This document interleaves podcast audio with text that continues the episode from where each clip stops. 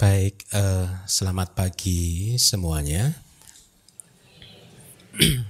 Semoga Anda semua dalam keadaan yang baik, sehat, damai dan bahagia. Sebelum saya uh, menguraikan materi kelas Mahakamawi Bangga Suta yang ketiga, saya ingin mengucapkan uh, selamat datang kepada Bapak Anton Samudra dan tim Ketua Yayasan Wihara Damadaya Damedan. Ya, selamat datang di Jakarta. Uh, terima kasih atas kunjungannya. Ya, semoga uh, Anda bisa menikmati ya selama kunjungan Anda di DBS. Baik, uh, seperti yang sudah kita bahas di dua kelas terdahulu. Uh, di Mahakama Wibangga Suta ini ya, karena sutanya sangat panjang maka saya tidak meminta PIC untuk membaca ulang ya, uh, tapi saya akan meringkas apa yang sudah kita pelajari minggu yang lalu.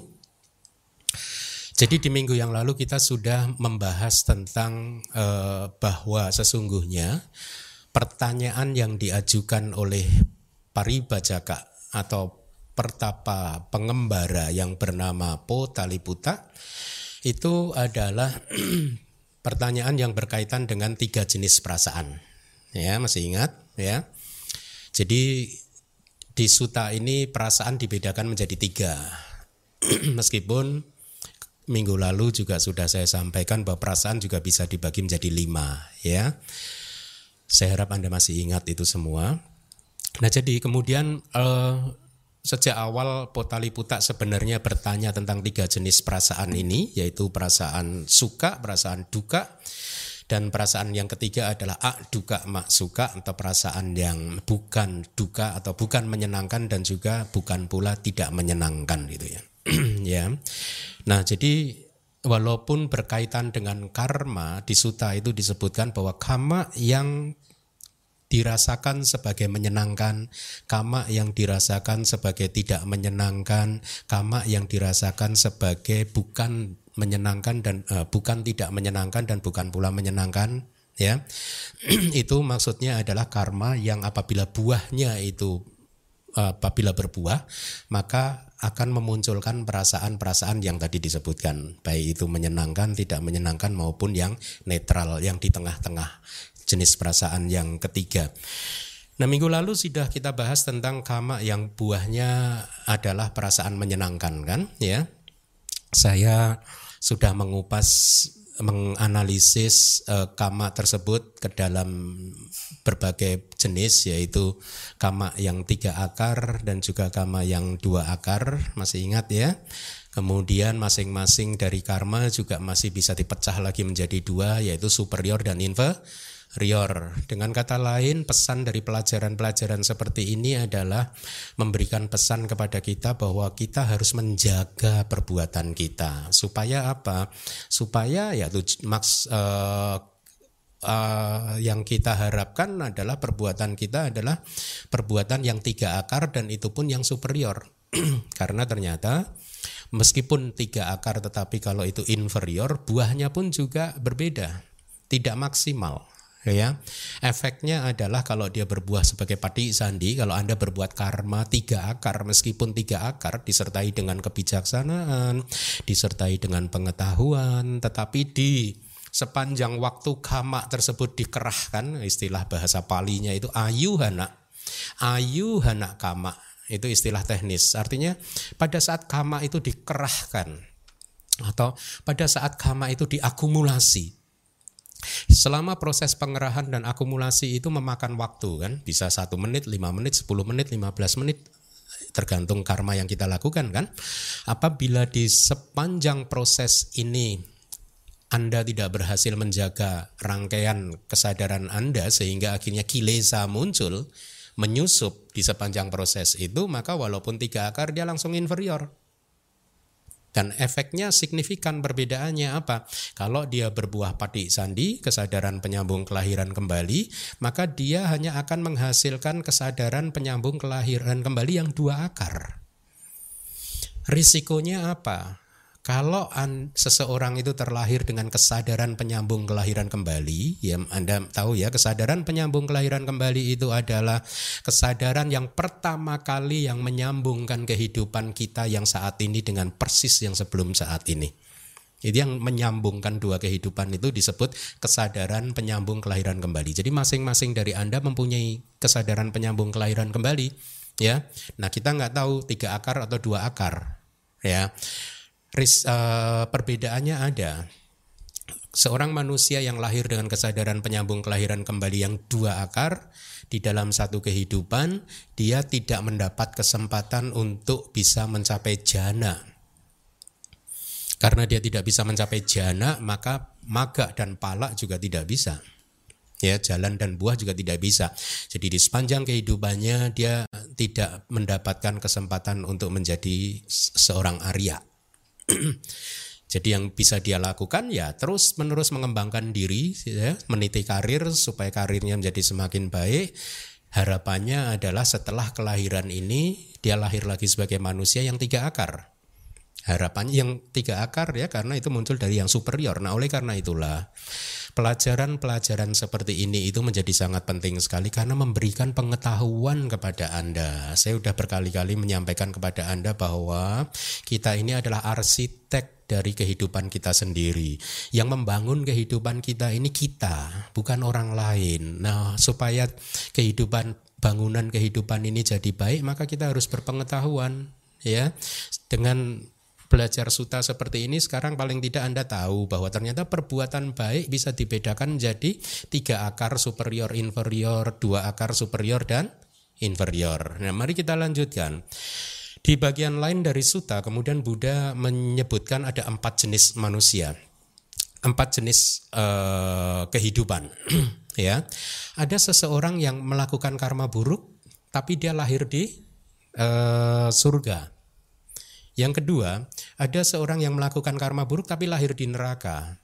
Yang ketiga, ada seorang melakukan karma baik lahir di neraka. Yang keempat, seseorang melakukan karma baik lahir di surga. Dari semua kemungkinan ini sebenarnya Buddha membenarkan. Ya memang bisa. Seorang yang melakukan karma buruk lahir di surga bisa. Kok bisa Bante berarti karma buruknya berbuah di surga? Enggak. Seseorang saat ini melakukan karma buruk, tetapi sebelumnya kan dia banyak melakukan karma baik. Sesudahnya juga banyak melakukan karma baik atau menjelang kematian di momen terakhir di detik-detik menjelang kematian di proses kognitif yang dekat dengan kematian dia mengingat sesuatu yang baik ya memegang pandangan yang benar maka dia lahir di surga. Ya ini yang membedakan ajaran karma Buddha dengan ajaran kama dari tradisi-tradisi lain. Oleh karena itulah saya suka dengan suta ini. Kenapa? Sesuai dengan judulnya Maha Kama Wibangga. Wibangga itu analisis. Ya, analisis kama yang maha, yang lengkap, yang detail, yang yang yang yang panjang gitu. Karena ternyata di kitab komentar juga dijelaskan dengan sangat lengkap sekali, sangat detail sekali. Anda sudah bisa merasakan ya bedanya dengan Cula Kama Wibangga Suta ya. Kalau Cula Kama Wibangga Suta agak sederhana kan? Kalau ini Maha Kama Wibangga Suta lengkap sekali seperti yang nanti akan Anda lihat. Nah, terhadap empat jenis manusia yang tadi, Buddha membenarkan, tetapi ada juga yang tidak dibenarkan eh, oleh Buddha eh, berkaitan dengan pendapat para pertapa dan brahmana yang menguasai uh, mencapai ceto sami, samadhi ya terbatinnya terkonsentrasi kemudian juga memiliki mata dewa bisa melihat ada satu makhluk melakukan karma buruk kok kemudian lahir di surga Akhirnya dia menciptakan satu teori tidak ada yang disebut karma buruk karena saya sudah melihat sendiri seseorang melakukan karma buruk tapi setelah mati dia lahir di surga dan seterusnya. Oleh karena itu dia berteori seperti ini di suta itu bahwa uh, uh, uh, tidak ada karma buruk, tidak ada efek. Ya, kemudian ada lagi yang kedua seseorang melakukan karma buruk tapi lahir di neraka. Akhirnya dia berteori ada karma memang, karena saya melihat sendiri seseorang melakukan karma buruk kemudian lahir di neraka. ya dibenarkan oleh Buddha tapi yang tidak dibenarkan oleh Buddha adalah pernyataan dia bahwa semua orang yang melakukan karma buruk pasti lahir di neraka. Kenapa tidak dibenarkan? Anda tahu bedanya? Kenapa Buddha tidak membenarkan pernyataan ini? Karena ya tidak semua karma buruk berbuah. Tidak semua karma berbuah. Ya. Pernyataan itu benar kalau dijelaskan dengan lebih detail bahwa apabila karma buruk ini berbuah maka pasti lahir di neraka.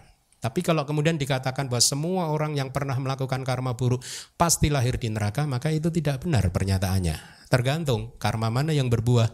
Karena sebelumnya dia banyak melakukan karma baik juga. Sesudahnya juga banyak melakukan karma baik juga. Atau di detik terakhir menjelang kematiannya dia mengingat sesuatu yang baik, memegang pandangan yang benar, maka dia bisa lahir di surga. Jadi Pola yang sama juga berlaku untuk dua jenis manusia yang e, berikutnya yaitu seorang yang melakukan karma baik tapi lahir di neraka, seorang yang melakukan karma baik dan lahir di surga. Ya. Nah, yang suta ini menjadi semakin menarik adalah bahwa kemudian tidak hanya Buddha mengupas itu tadi dengan sangat detail bahwa karma bisa dilakukan di berbagai momen, berbagai, tidak hanya satu saja. Brahmana dan Pertapa tadi melihatnya hanya secara terbatas. Hanya punya satu data kemudian dia menyimpulkan. Idam mewak sacang mogang anyang. Hanya ini saja yang benar, yang lain salah. Padahal datanya cuma satu. Ya, Anda paham ya kekeliruan dari para pertapa tersebut ya. Nah, kemudian eh, setelah itu Buddha kemudian menguraikan bahwa ternyata ada karma-karma tertentu yang harus berbuah di kehidupan saat ini. Artinya, kita melakukan karma di kehidupan saat ini dan kalau berbuah dia hanya berbuah di kehidupan saat ini. Setelah kita keluar dari kehidupan saat ini, ya, terlahir lagi di kehidupan yang berikutnya, karma ini menjadi ahosi, menjadi karma masa lampau saja, sudah tidak mempunyai potensi untuk berbuah. Ya. Yang kedua adalah ada karma yang hanya berbuah di kehidupan yang kedua. Paham?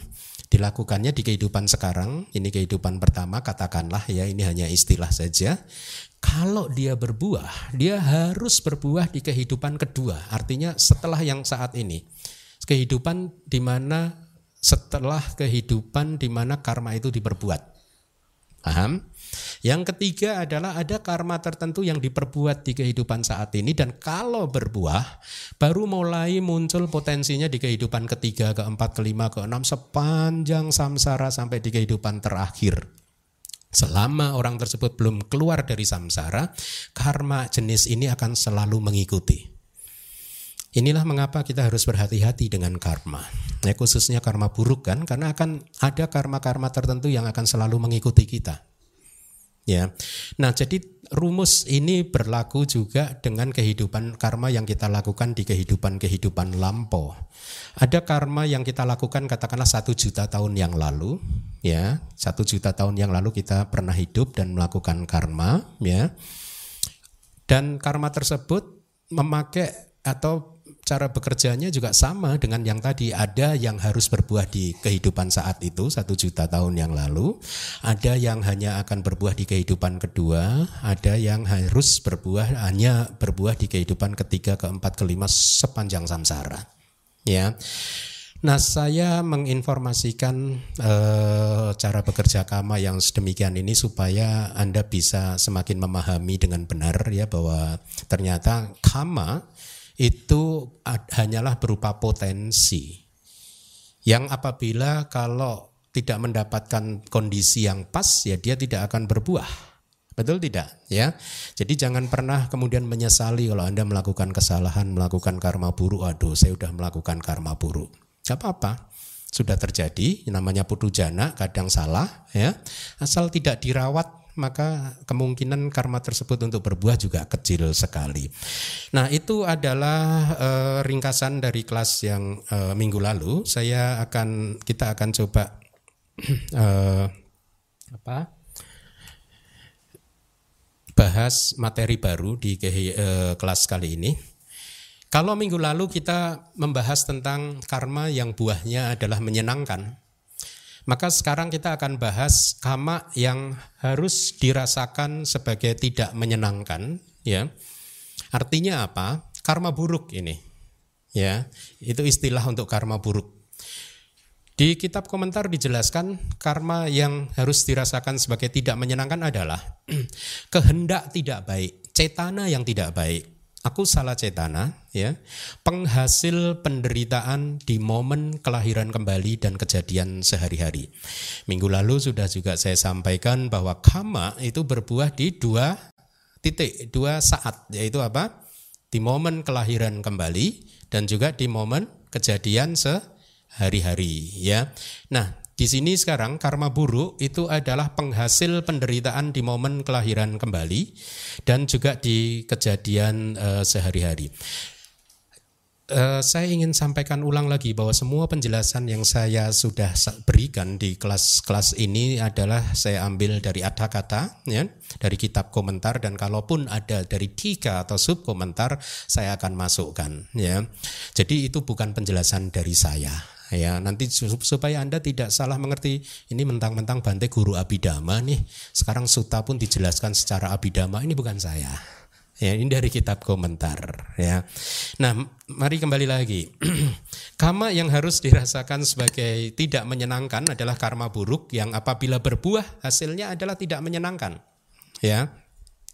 Tetapi sesungguhnya karma buruk itu Apabila berbuah berupa kesadaran penyambung kelahiran kembali, maka kesadaran penyambung kelahiran kembali itu menyambung kehidupan saat ini dengan kehidupan yang baru kan.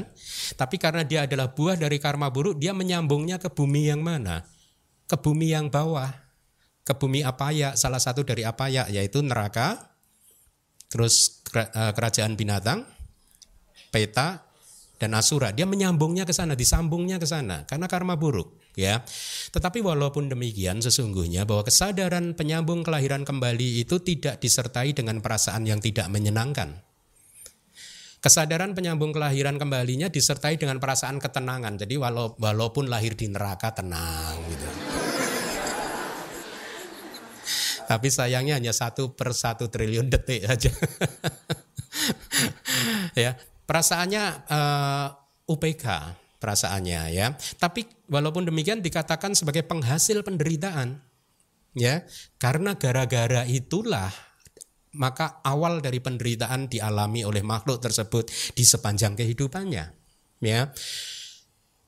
Kenapa? Makhluk yang lahir di salah satu dari empat alam apaya banyak menerima atau memetik buah karma buruknya, banyak mengalami penderitaan. Kalau dibandingkan kita, sebagai manusia. Kita ini sebagai manusia itu relatif banyak memetik karma baik kita yang kita lakukan di masa lalu relatif lebih banyak dibanding karma buruknya makanya berbahagialah Hah? jangan stres-stres banyak karma baik yang berbuah. Nah, tetapi cerita itu tidak terjadi di makhluk yang terlahir di empat alam apa ya, empat alam yang rendah. Kenapa? Karena mereka mengalami apa yang menurut di dalam bahasa palinya disebut gati wipati kegagalan tempat tujuan. Gagal, kegagalan tempat kelahiran. Dia terlahir di alam yang tidak baik. Karena dia terlahir di alam yang tidak baik, maka ini alam ini kondusif untuk menyuburkan semua timbunan karma buruk mereka. Itulah mengapa mereka yang lahir di empat alam yang bawah, mereka itu banyak menderitanya. Ya, bukan berarti mereka itu tidak mempunyai karma baik loh. Bahkan beberapa di antara mereka itu ada saja yang mungkin lebih baik dari kita. Contoh Dewa Data. Kenapa saya katakan mungkin lebih baik dari kita? Karena dia udah ini kan oleh Buddha satu hari nanti jadi paceka Buddha. Selesai samsaranya. Kita?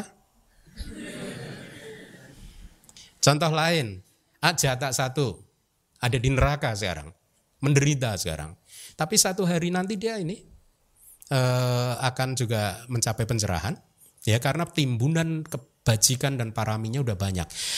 Nah, itulah mengapa karena mereka gagal berada di tempat yang salah, maka karma buruknya banyak yang subur dan berbuah. Nah, kita berada di tempat yang benar.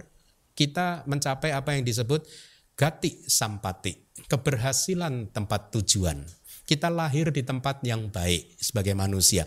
Itulah mengapa banyak timbunan deposito karma baik kita subur dan berbuah. Makanya kita banyak bahagianya. ya. Tapi hati-hati ya, sadar uh, kita senantiasa sadar bukan berarti kita nggak punya timbunan karma buruk loh. Ya, kalau Anda coba berada di tempat yang salah, lahir sebagai manusia, berada di tempat yang salah, pasti karma buruk Anda berbuah. Ya tidak ya. Nah, jadi hal-hal seperti ini, informasi seperti ini bagus sekali buat Anda supaya Anda bisa membangun bangunan kehidupan Anda. Karena Anda adalah arsitek kan, ya, dibangun kehidupan yang seindah-indahnya. Nah, karma buruk kalau menghasilkan pati sandi atau kesadaran penyambung kelahiran kembali dia hanya disertai dengan perasaan yang netral sesungguhnya. Lalu bagaimana sekarang kalau karma buruk itu berbuah di kehidupan sehari-hari? Hmm? Kan tadi dua kan, buahnya kan di dua titik kan, penyambung kelahiran kembali dan kehidupan sehari-hari. Kalau dia berbuah di kehidupan sehari-hari, dia buahnya apa? Buahnya adalah tergantung. Apabila dia berbuah di pintu mata, pintu telinga, pintu hidung, pintu lidah, maka perasaan yang muncul hanya UPK kok, tenang saja kok, ketenangan, duka masuka, dengan kata lain sesungguhnya apabila ada objek-objek yang tidak baik, misalkan Anda dicela oleh seseorang atau dimarahi oleh seseorang, itu perasaan yang muncul harusnya UPK. Tetapi kok sering kali kok, kok dongkol ya Bante? Makanya, nah mendongkol itu buah karma, bukan. Kalau Anda mendengar suara yang tidak enak, Anda tidak suka, kemudian sakit hati Anda, jangan pernah berpikir itu buah karma.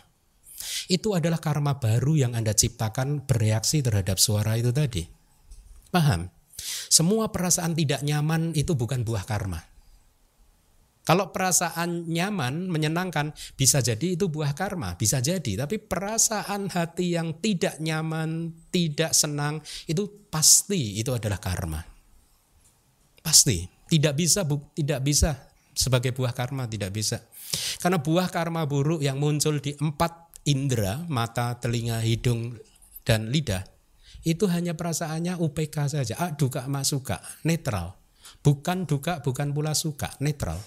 Tapi kalau kemudian Anda merasa kok saya jadi jengkel ya Bante, ini karma buruk saya berbuah. Bukan berbuah, Anda menciptakan karma buruk. Jadi ibaratnya Anda mendapat buah, tapi Anda makan dengan cara negatif. Anda bereaksi secara negatif. Anda menciptakan karma buruk yang baru lagi. Paham? Ya. Nah, tetapi kalau karma buruk itu berbuah melalui pintu tubuh, memang muncul perasaan sakit. Tapi hanya pintu tubuh loh ya. Contohnya bagaimana? Ya, Anda tiba-tiba main sepak bola nggak tahu ternyata itu durian. Ditendang, waduh baru tahu durian. Karma buruk berbuah sakit. Tapi sesungguhnya sakitnya hanyalah di pintu tubuh loh.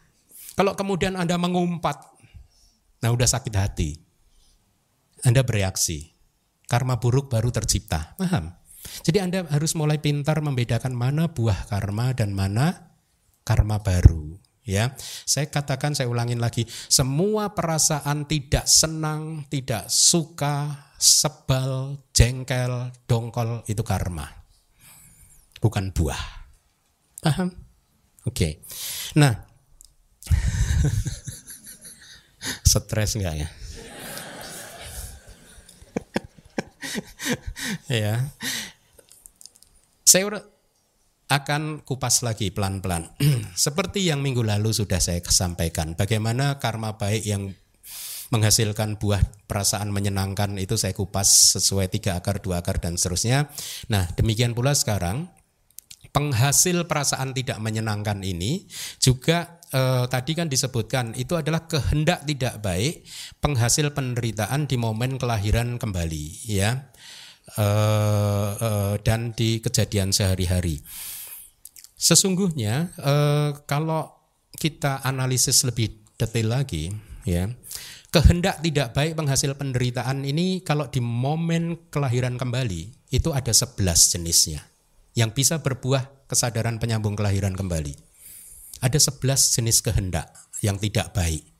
Kehendak yang disertai keserakahan, kehendak yang disertai kebencian, dan kehendak yang disertai oleh moha sebagai faktor-faktor yang terkuatnya. Ada sebelas macam ya, yang sudah belajar abidama tahu ini adalah sebelas aku salah cita atau kehendak yang muncul di sebelas kesadaran tidak baik kecuali yang disertai dengan udaca atau kebingungan ya. Nah, sebelas kehendak yang muncul di sebelas kesadaran yang tidak baik ini kalau berbuah, dia bisa menghasilkan kesadaran penyambung kelahiran kembali, menyambung kelahiran di mana? Empat apa ya? Empat alam yang eh, bawah. Nah, eh, tetapi di kehidupan sehari-hari kehendak yang tidak baik tadi kalau berbuah dia bisa menghasilkan tujuh macam kesadaran tanpa akar yang resultan yang tidak baik. Ini abidama lagi. Ya, abidama lagi. Ya, mungkin dari Anda ada yang ini mungkin ya suami single istri mah mah kayaknya kita salah masuk kelas nih mah gitu. Loh, papa maksudnya apa? Kan broadcastnya kan suta toh mah. Ini kok jadi rumit begini mah gitu ini kita salah ini mah. Terus harusnya kita ke mana pak? Mungkin kita ke lantai dua aja ya mah. Kelas Rahula, kelasnya Mami Aikim.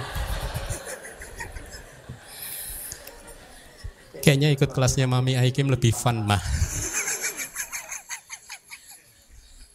ya tapi beginilah suta. Ini bukan dari saya, ini dari kitab ya. Makanya kan di kalau Anda ingat di, di, di, di suta ini yang pertama dua minggu yang lalu ya, yang bagian pertama saya mengatakan kan pengetahuan abidama diperlukan karena banyak sekali suta yang dibahas sesuai abidama. Jadi dengan kata lain kita tidak bisa memisahkan suta dan abidama. Ya, oleh karena itu penting sekali untuk mempelajari abidama. Bahkan saya katakan seandainya pun Anda paham bahasa Pali, anda bisa mengartikan bahasa Pali. Tapi kalau Anda tidak paham abidama, Anda tidak akan bisa memahami banyak suta juga. Seperti suta ini. Sulit kalau Anda tidak paham abidama, Anda tidak bisa menguraikannya dengan lengkap, ya. Nah, oleh karena itu kembali lagi, ya. Di, uh, di kejadian sehari-hari sebenarnya buah karma buruk itu muncul melalui tujuh jenis kesadaran saja yang tanpa akar. Jadi sekali lagi bukan kejadian di dunia ini yang merupakan buah karma buruk. Yang merupakan buah karma buruk adalah kemunculan khususnya perasaan itu tadi. Paham ya? Minggu lalu sudah saya katakan kan, Anda dapat uang 1 M. Ya, kemudian Anda senang. Yang Anda anggap sebagai buah karma baik yang mana? Uangnya? Bukan. Perasaan yang menikmati uang itu adalah buah karmanya. Ya, sama karma buruk juga begitu. Bukan kata-kata yang menyakitkan telinga itu bukan karma buruk, buah karma buruk. Tetapi perasaan yang menikmati kata-kata itu, itulah buah dari karma buruk. Paham? Ya. Nah, mari kita lanjutkan. Hanya di kejadian sehari-hari, nah ini hebatnya kitab komentar itu sangat detail kan. Hanya di kejadian sehari-hari, kama ini selalu menghasilkan perasaan sakit di pintu tubuh. Tadi udah saya katakan kan? Ya, kalau Anda nggak paham abidama, baca begini nggak paham juga. Nggak paham, makanya butuh guru. ya, tetapi di tempat lainnya, artinya di kesadaran indriawi lainnya, ya, yaitu di kita mengenal panca indera kan, berarti empat kesadaran lain di mata, telinga, hidung, lidah. Karma buruk kalau berbuah hanya disertai dengan perasaan bukan tidak menyenangkan dan bukan pula menyenangkan atau dengan kata lain perasaan netral, UPK, netral. Jadi sesungguhnya tidak ada yang perlu dikhawatirkan loh dengan buah dari karma buruk itu. Kalau Anda benar-benar memahami ini dengan baik, kebijaksanaan Anda sudah berkembang, Anda tahu bahwa hanya netral saja. Tinggal Anda latih supaya Anda tidak reaktif, tidak impulsif. Ya. Nah, eh, perasaan atau buah dari karma buruk ya itu adalah kemunculan jenis perasaan-perasaan itu tadi ya. Tetapi objek-objek yang masuk di dalam panca indera ini hanyalah sebagai satu media saja ya. Media untuk mematangkan buah dari karma buruk. Memang objeknya kalau di dalam abidama dibedakan. Objeknya adalah tidak menyenangkan. Ya, Anda mendengar kata-kata orang yang memarahi Anda kan suara tidak menyenangkan itu, ya maka itu adalah buah dari karma buruk. Anda melihat seseorang yang maaf ya kalau ini seseorang yang uh, apa di bawah rata-rata, yang menakutkan, yang ini yang itu, itu adalah buah karma buruk. Uh, media untuk mematangkan buah karma buruk melalui mata. Ya. Jadi di dalam uh, dhamma objek-objek itu dibedakan menjadi tiga.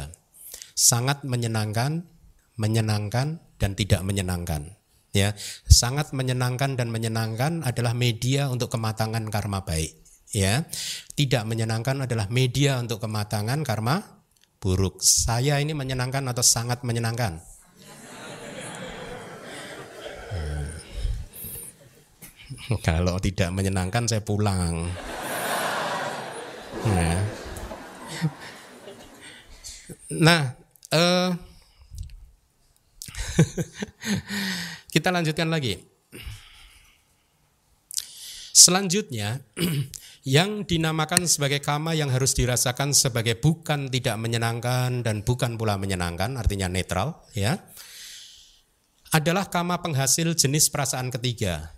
Perasaan ketiga itu adalah perasaan netral tadi, ya. Yang pertama kan menyenangkan, tidak menyenangkan dan tengah-tengahnya kan. Jenis perasaan ketiga di momen patik sandi dan kejadian sehari-hari ya, yaitu sekali lagi ya bidama lagi nih, empat kehendak yang berasosiasi dengan kesadaran baik lingkup indriawi yang disertai dengan ketenangan pertama. Yang kedua adalah kehendak di jana lingkup materi halus yang keempat. Kitabnya hanya seperti itu penjelasannya. Lalu ureanya bagaimana? Jadi Karma yang buahnya dirasakan sebagai netral itu adalah karma atau kehendak. Kan cetana hang bikawe kamang wadami kan yang disebut karma itu kan cetana kan kehendak kan. Kehendak yang muncul di empat kesadaran lingkup indriawi yang baik atau sering disebut sebagai empat kesadaran maha kusala ya tetapi yang disertai dengan perasaan ketenangan juga ya Minggu lalu kalau tidak salah sudah saya kupas bahwa kesadaran yang baik itu ada delapan. Delapan jenis kesadaran inilah yang sesungguhnya melakukan karma baik. Ya, ketika berdana maka salah satu dari delapan inilah yang berdana. Ketika mempraktekkan sila maka salah satu dari delapan inilah yang mempraktekkan sila dan seterusnya bukan anda. Kesadaran itulah yang melakukannya ya kehendak itulah yang melakukannya tetapi dari delapan jenis kesadaran ini dibedakan ke dalam dua perasaan. Empat adalah disertai dengan perasaan menyenangkan, empat yang lain disertai dengan perasaan UPK, ketenangan, ya atau ak duka mak suka, bukan tidak menyenangkan dan bukan pula menyenangkan atau perasaan netral ya. Nah, sekarang kita berbicara tentang jenis perasaan yang ketiga, berarti berkaitan dengan kehendak di empat kesadaran lingkup indriawi yang baik tetapi yang disertai dengan UPK kalau minggu lalu kan yang disertai dengan perasaan menyenangkan, sekarang yang dengan perasaan UPK. Jadi sekarang Anda tahu yang nggak paham abidama bahwa ternyata ada dua jenis kualitas perbuatan baik. Ada seseorang melakukan perbuatan baik dengan penuh sukacita. Ada seseorang melakukan perbuatan baik dengan penuh ketenangan. Mana yang bagus? Sama-sama bagus. Sama-sama bagus. Tapi kalau lebih bagus yang mana? Sukacita. Sukacita lebih bagus. Nah, eh,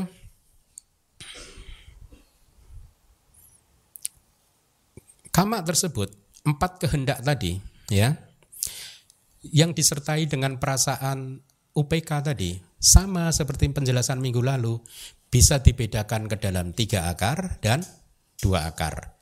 Tiga akar adalah Anda melakukan perbuatan baik dengan pengetahuan, Anda tahu bahwa ini adalah perbuatan baik yang akan kalau berbuah akan berbuah kebaikan ya. Anda tahu tentang anicca duka dan anatta paham pada saat melakukan itu ya. Maka itu adalah tiga akar. Tapi kalau dua akar berarti tidak disertai dengan pengetahuan. Anda melakukan karma baik ikut-ikutan aja. Nggak tahu tujuannya apa ikut dah gitu. Kalau superior gimana Sejak Anda mengakumulasi sampai terakhir hati Anda positif terus baik, terus tidak ada aku salahnya kan? Tapi inferior ada aku salahnya. Kayak minggu lalu saya beri contoh kan, Anda dana jubah udah ambil dua jubah, lihat tetangga Anda kok tiga jubah, ambil empat jubah. Nanti jalan sedikit kok ada yang lima jubah Anda ambil nggak mau kalah. Kiasu lah kiasu.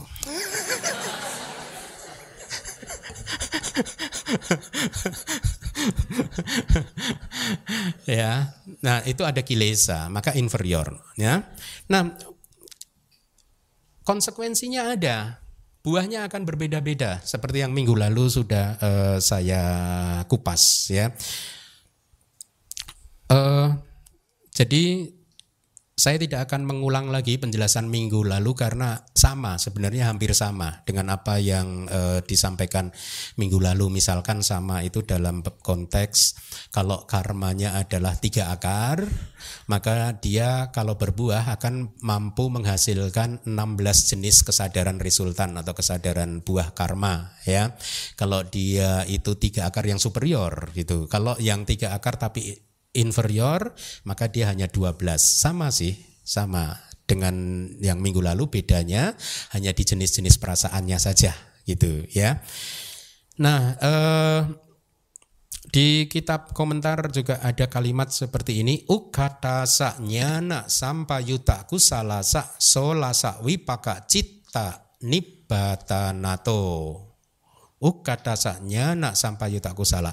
Kesadaran baik lingkup indriawi yang disertai dengan pengetahuan dan ukata atau superior ya baik itu yang disertai dengan somanasa mau atau uh, disertai dengan perasaan yang menyenangkan maupun disertai dengan perasaan ketenangan adalah solasa wipaka cita nibana nibatanato penghasil 16 kesadaran resultan Ya, sengaja kata palinya saya quote itu untuk meyakinkan kepada Anda bahwa kita nggak bisa terpisah dari abidama waktu mempelajari suta. Ini kalimat sangat abidama sekali. Ya, sangat abidama sekali. Ya. Jadi lihatlah bahwa kesadaran baik lingkup indriawi atau kama baik lingkup indriawi yang disertai dengan pengetahuan berarti tiga akar dan superior itu adalah penghasil 16 kesadaran resultan ini buah karmanya itu adalah 16 kesadaran mental, fenomena mental yang ada di rangkaian batin kita. 16 variasinya. Yang delapan adalah kesadaran mahawipaka atau resultan yang besar. Yang delapan adalah kesadaran resultan tanpa akar. Ya, sama dengan yang minggu lalu sih. Kalau yang inferior 12. Dua akar yang superior buahnya adalah 12 jenis kesadaran yang berbeda. Kemudian dua akar yang inferior buahnya hanyalah eh, delapan kesadaran eh, apa? Eh, resultan yang tanpa akar, yang baik, resultan yang baik ya. Nah, eh, mari kita kupas. Sekarang kita kupas buah akar di momen kesadaran penyambung kelahiran kembali. Kita kupas satu persatu karma baik yang tiga akar yang superior ya. Kalau dia berbuah berupa padi sandi dia akan menghasilkan kesadaran penyambung kelahiran padi sandi yang tiga akar juga. Tetapi karena ini adalah disertai dengan perasaan jenis yang ketiga, maka kesadaran penyambung kelahiran kembalinya juga disertai dengan perasaan jenis yang ketiga, yaitu bukan tidak menyenangkan dan bukan pula menyenangkan nangkan netral. Minggu lalu sudah saya sampaikan kan, seado saya di Myanmar menjelaskan kalau seseorang itu kesadaran penyambung kelahirannya, kelahiran kembalinya itu disertai dengan perasaan tenang, maka kecenderungan di selama hidup juga dia akan tenang, jarang senyum gitu. Kalau yang banyak senyum itu kemungkinan besar dia kesadaran penyambung kelahiran kembalinya disertai dengan sukacita, dengan perasaan yang menyenangkan gitu. Nah, kemudian tiga akar yang inferior itu menghasilkan kesadaran penyambung kelahiran kembali yang dua akar ya, tetapi kembali lagi disertai dengan perasaan U PK atau ketenangan ya. Tidak bisa mencapai jana apalagi maga dan pala ya. Demikian pula dengan uh, klasifikasi yang lain dua akar yang superior akan menghasilkan kesadaran penyambung kelahiran kembali yang dua akar tapi yang disertai dengan UPK ya yang inferior itu menghasilkan kesadaran penyambung kelahiran kembali yang tanpa akar. Ya. Kalau manusia terlahir kembali dengan kesadaran penyambung kelahiran kembali yang tanpa akar, lemah kan tanpa akar, dia jadi manusia yang seperti apa? Ya. Maaf ya, maaf. Buta sejak lahir, tuli sejak lahir, bisu sejak lahir, idiot, maaf, ya dan lain sebagainya ya. Jadi itulah efeknya. Dia lahir sebagai manusia itu adalah buah dari karma baiknya. Tetapi karena karma baiknya yang berbuah itu dulu adalah dua akar yang inferior dan berbuah, maka meskipun lahir sebagai manusia, dia lahir bisa jadi buta sejak lahir, sejak lahir ya. Sejak pertama kali patik sandinya muncul, itu patik sandinya terlalu lemah sehingga tidak bisa mem memunculkan uh, indera-indera mata, telinga dan yang lainnya. Ya, bukan buta setelah lahir, beda. Buta sejak pertama kali, tuli sejak pertama kali masuk ke kandungan. Ya, idiot juga sejak sejak awal itu. Karena patik sandinya lemah tanpa akar. Nah, sekarang pertanyaannya adalah itu karma yang kayak apa sih Bante yang bisa menghasilkan kayak gitu? Saya beritahu sekarang. Jangan stres ya. Jangan stres ya. Karma dua akar yang inferior. Paham? Itu kalau berbuah, pati sandinya, kesadaran penyambung kelahiran kembalinya tanpa akar. Nah sekarang kita lihat, karma dua akar itu yang kayak apa? Seseorang berdana tanpa pengetahuan, ikut-ikutan aja kayak tadi gitu ya. Kemudian inferior, artinya apa? Di sepanjang proses akumulasi atau pengerahan kama itu, kilesanya masuk ya kilesanya masuk gitu. Sudah tanpa pengetahuan kilesanya muncul. Itulah yang dua akar inferior. Waduh kalau gitu sering bantai saya. Hati-hati. Hati-hati jangan khawatir jangan dirawat Caranya gimana Bante? Cari kalian amita, banyak berbuat baik, silanya diperbaiki gitu ya. Tapi nggak apa-apa saya berikan informasi ini supaya apa? Anda mulai bisa memperbaiki kalau masih ada yang perlu diperbaiki kan? Ya. Jadi mulai sekarang kalau Anda berbuat baik Anda harus benar-benar fokus. Mau digoda kiri kanan cuek aja, cuek. Ini mau tiga akar nih, aduh ganggu aja langsung kilesannya muncul lagi, inferior lagi. Paham? Huh? Buahnya beda-beda loh. Buahnya. Itulah mengapa kita masing-masing bertanggung jawab terhadap perbuatan kita sendiri tadi di awal saya katakan. Ya. Di buku manual Abidama yang pertama kalau tidak salah saya cuplikan satu cerita dari kitab komentar. Ada satu manusia berbuat baik bersama-sama, buahnya beda-beda. Kayak sekarang ini, 500 orang mendengarkan dhamma, ini kan berbuat karma baik kan? 500 ini sama-sama ini, berbuat baik semua ini, gitu. Tapi buahnya beda-beda loh. Ya, yang tiga akar superior tunjuk jari. Lalu pertanyaannya adalah yang membuat beda apa Bante?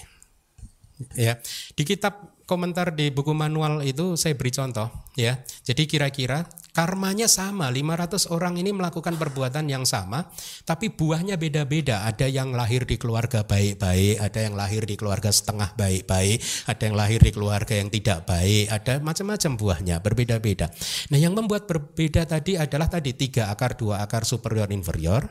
Tetapi sesungguhnya kalau Anda paham Abhidhamma, Anda akan lebih bisa mengelaborasi ini lebih detail lagi. Kenapa?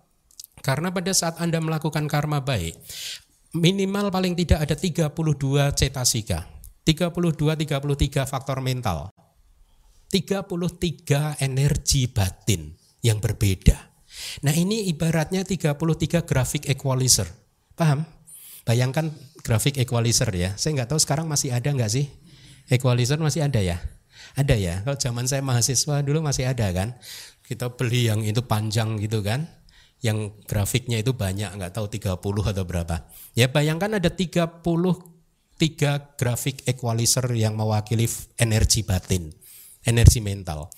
Angkanya dari minus 50 0 sampai plus 50 katakanlah begitu atau minus 10 0 sampai plus 10. Berarti ada berbagai variasi kan? Ya. Ada berbagai variasi dari yang paling dasar sampai yang paling tinggi. Dan ini 33 energi batin. Dia kombinasinya bisa berapa? Variasinya bisa berapa banyak? Bisa tidak terbatas. Setuju nggak?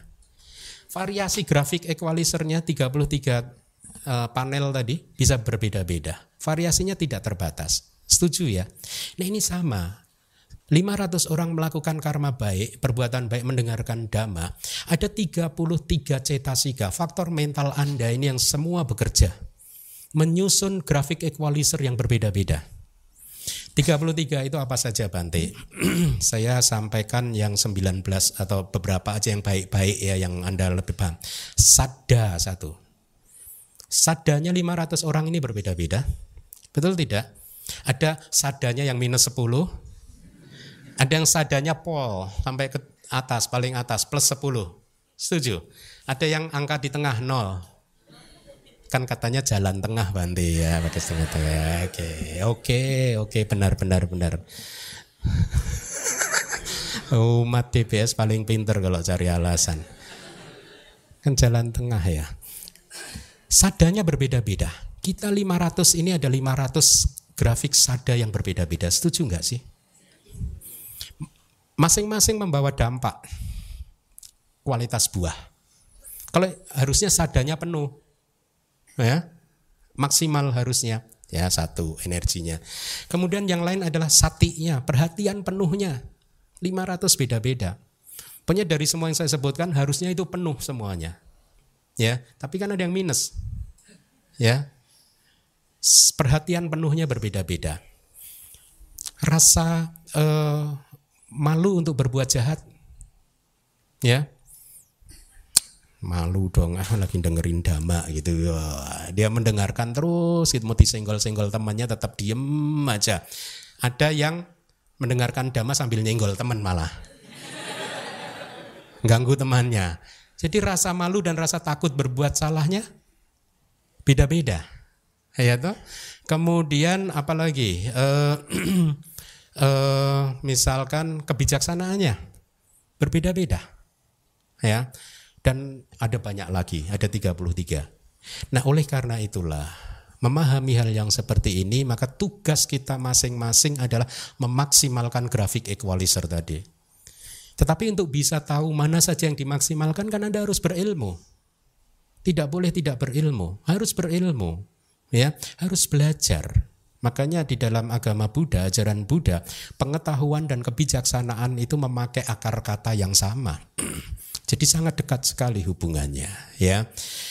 Nah, itu yang bisa uh, saya tambahkan, ya. Mari kita kembali lagi. Dari kitab sub komentarnya, kemudian saya uh, coba terjemahkan. Tadi kan kita sedang berbicara tentang karma baik, kehendak yang muncul di kesadaran baik, tapi juga yang kedua itu lihat kehendak yang disertai dengan ke ketenangan atau kehendak di jana lingkup materi halus yang keempat. Apa itu maksudnya? Kita mengenal berapa jana lingkup materi halus? Empat, kalau sesuai suta. Kalau sesuai abidama bisa dibedakan menjadi lima. Ya, Nah, kalau kita bicara suta ada empat jana materi halus. Jana pertama, kedua, dan ketiga disertai dengan perasaan menyenangkan. Jana yang tertinggi disertai dengan perasaan ketenangan. Ya makanya di sini disebutkan kehendak di jana lingkup materi halus yang keempat gitu.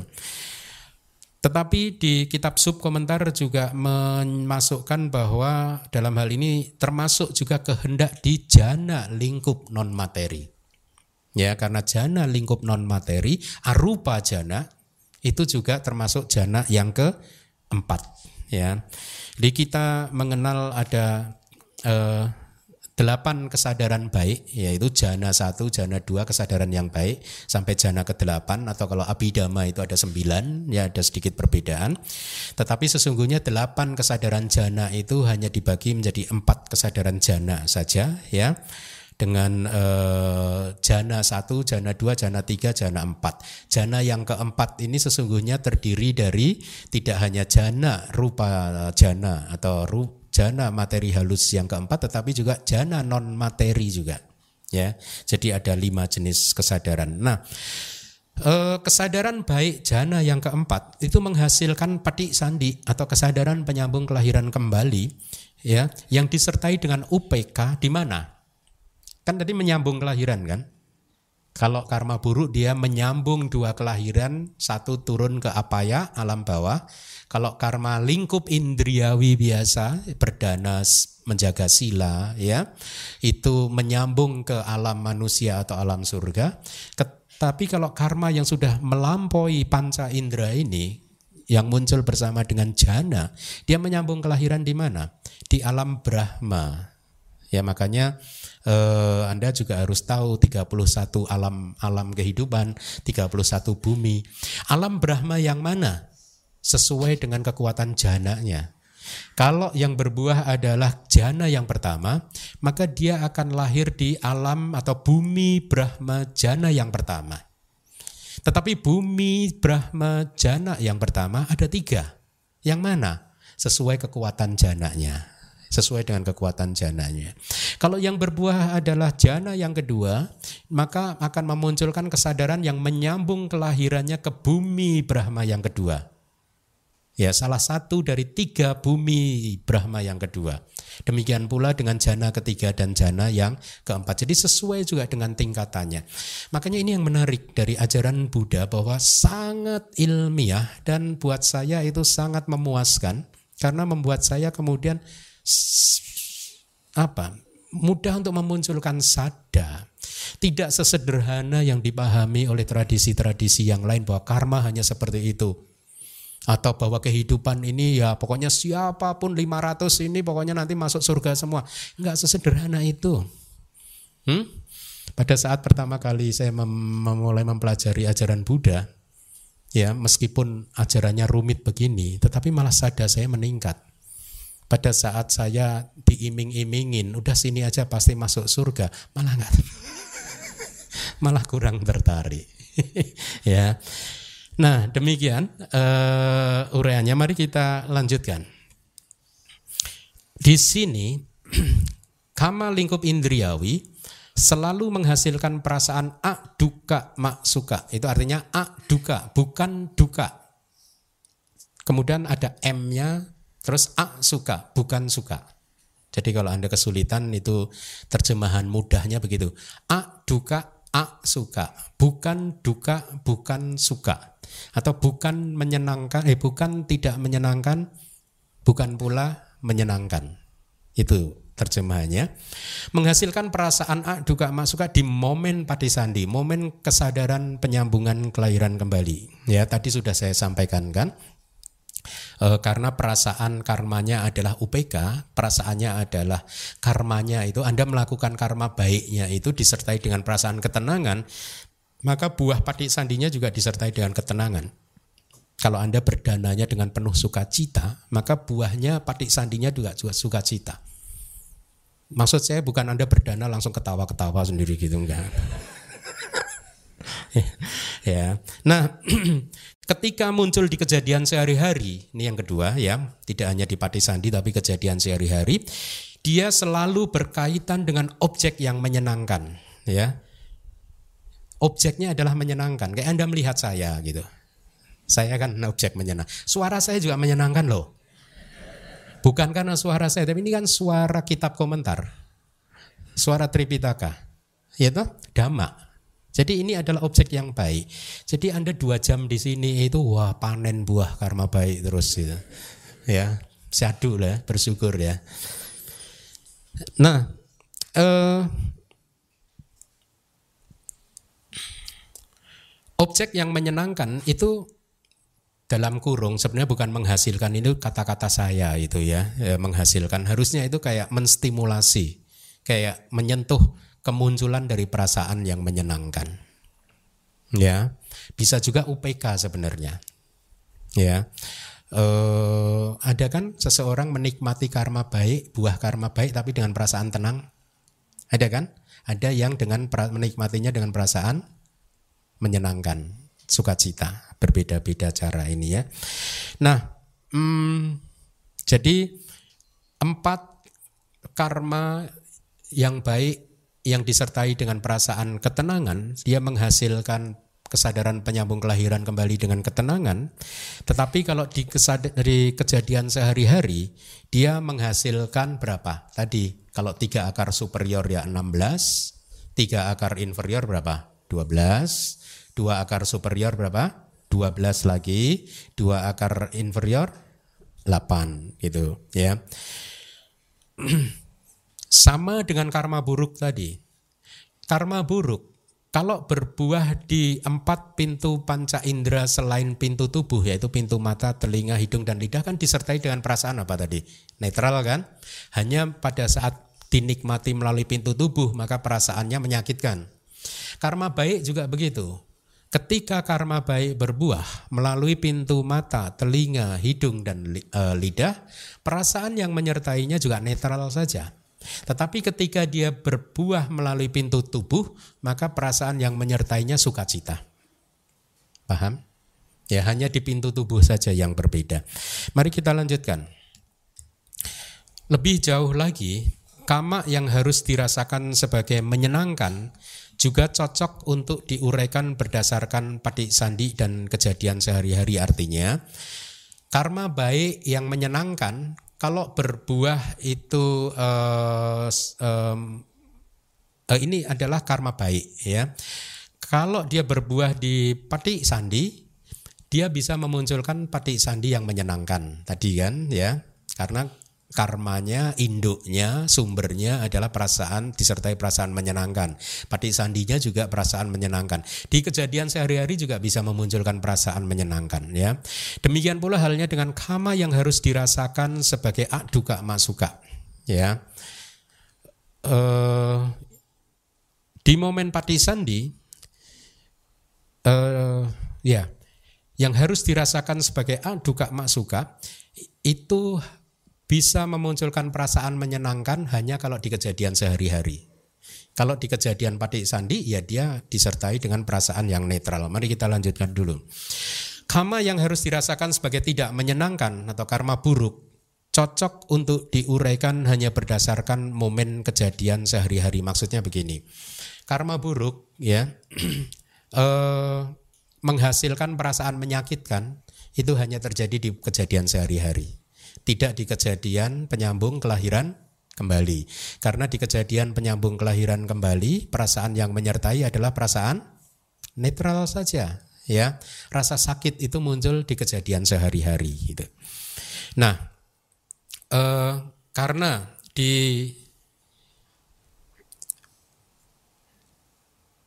di slide sebelumnya dikatakan begini kan, yang dinamakan kama yang harus dirasakan sebagai tidak menyenangkan ya adalah kehendak tidak baik penghasil penderitaan di momen kelahiran kembali dan kejadian sehari-hari. Jadi karma buruk ini adalah penghasil penderitaan.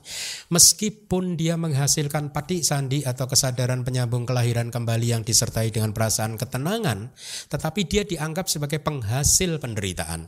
Oleh karena itulah dikatakan bahwa karma yang harus dirasakan sebagai tidak menyenangkan ya, dia e, memakai kata-kata tidak menyenangkan.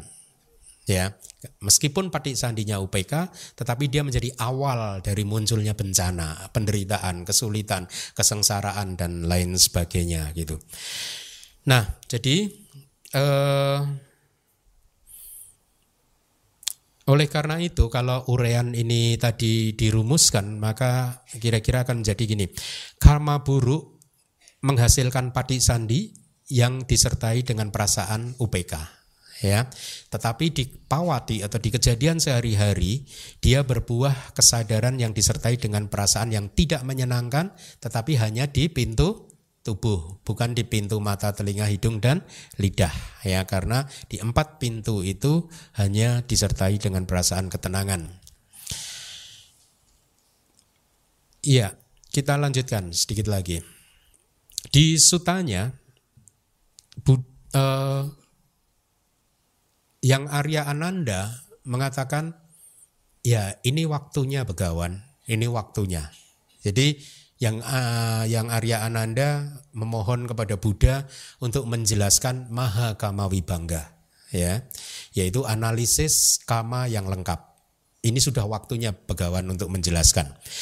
Penjelasannya adalah Tera, Tera ini istilah untuk yang Arya Ananda sedang menunjukkan keinginan untuk mendengarkan penjelasan tentang makna dari Maha Kama Wibangga. Analisis lengkap tentang kama oleh Tathagata, oleh Buddha. Setelah memohon, maka Tathagata akan membuat pengetahuan tentang Maha Kama Wibangga menjadi jelas untuk Biku Sangga. untuk sangga biku. Setelah merenungkan dalam kaitannya dengan kebaikan tersebut, maka dia atau yang Arya Ananda Tera mengatakan demikian. Uh, jadi setelah mempertimbangkan manfaatnya, kemudian yang Arya Ananda mengatakan ini sudah waktunya. Jadi beliau menunjukkan keinginannya untuk uh, mendengarkan penjelasan yang lebih lengkap dari Buddha.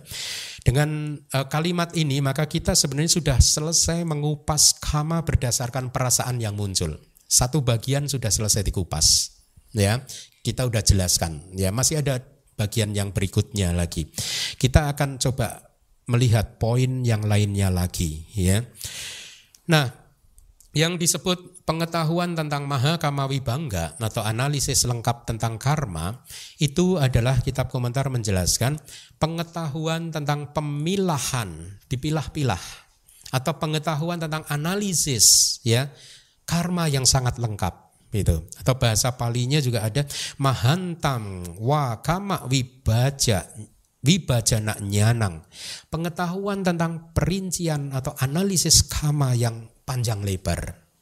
Ya. Jadi kita akan masuk ke bagian yang berikutnya gitu. Jadi demikian yang Arya Ananda menunjukkan keinginannya untuk mendengarkan pengetahuan uh, uraian yang lebih lengkap lagi ya. Sehubungan dengan hal tersebut, yang dimaksud dengan analisis detail tentang kama atau maha wibangga di sini saya terjemahkan jadi analisis detail atau analisis yang panjang atau analisis yang lengkap sama saja ya. Adalah pemilahan kama secara lengkap. Maksudnya apa? Lihatlah bagaimana sama Sam Buddha menguraikan kama secara detail. Pertama tadi sudah disampaikan karma dibedakan jadi dua, tiga akar dan dua akar. Masing-masing dari kama tersebut masih bisa dipecah, dibedakan lagi menjadi dua, yaitu superior dan inferior. Sekarang kita akan mencoba nanti melihat bagaimana kama itu dibedakan lagi antara waktu diperbuatnya, ya. Misalkan eh, sebelum atau sesudah atau menjelang kematian atau karma yang berbuah di saat ini atau kehidupan berikutnya atau kehidupan-kehidupan yang berikut-berikutnya gitu ya. Jadi eh, setelah kita sudah uh, memahami ya tentang karma tiga akar dua akar tadi ya uh, semakin kita mempelajari menjelaskan uh, mendengarkan penjelasan-penjelasan kama di suta ini maka saya berharap bahwa sada Anda menjadi semakin meningkat ya apresiasi Anda terhadap dhamma menjadi semakin meningkat karena inilah ternyata yang membedakan ajaran kama di India ini hampir semua aliran spiritual meyakini hukum karma. Tetapi beda-beda ininya ya. Di Buddha sangat lengkap seperti ini gitu. Nah, kenapa Buddha bisa memahami ini semua? Karena beliau melihat hampir semua kehidupan lampaunya kan. Tidak hanya kehidupan lampau beliau tetapi juga kehidupan lampau makhluk-makhluk yang lain kan. Ya. Nah, Uh, di suta ada kalimat ada empat jenis orang yang tadi di awal sudah saya sampaikan. Kemudian ada kalimat empat yang apa gitu. Kemudian Buddha mengatakan di sini Ananda, seseorang melakukan karma buruk lahir di neraka yang pertama. Yang kedua, seseorang melakukan karma buruk lahir di surga. Yang ketiga, seorang melakukan karma baik lahir di neraka. Yang keempat, seseorang melakukan karma baik lahir di surga. Ada empat jenis manusia ini ya yang dikatakan oleh Buddha. Penjelasan dari kitab komentar mengatakan bahwa kalimat ini bukan bentuk penguraian tentang pengetahuan analisis menyeluruh mengenai kama, gitu ya. Karena ini eh, apa? Berdasarkan Buddha ingin menunjukkan kepada muridnya ini loh dasar kesimpulan para pertapa dan brahmana itu tadi ya jadi belum masuk ke analisis lengkapnya ya jadi melainkan hanya penyusunan matriks saja sebagai landasan analisisnya. Landasan untuk menganalisa matriks, kombinasi matriksnya ada empat. Ya, untuk keperluan penguraian pengetahuan analisis kama secara detail. Jadi untuk untuk landasan Buddha untuk menguraikannya ya. Matriks itu kayak apa sih bahasa Indonesianya? Tabulasi gitu ya. Gak tabel apa ya? Hmm? Ya kerangka tabel gitu ya uh, ada empat itu Saya harap Anda masih ingat ya. Mari kita lihat lagi.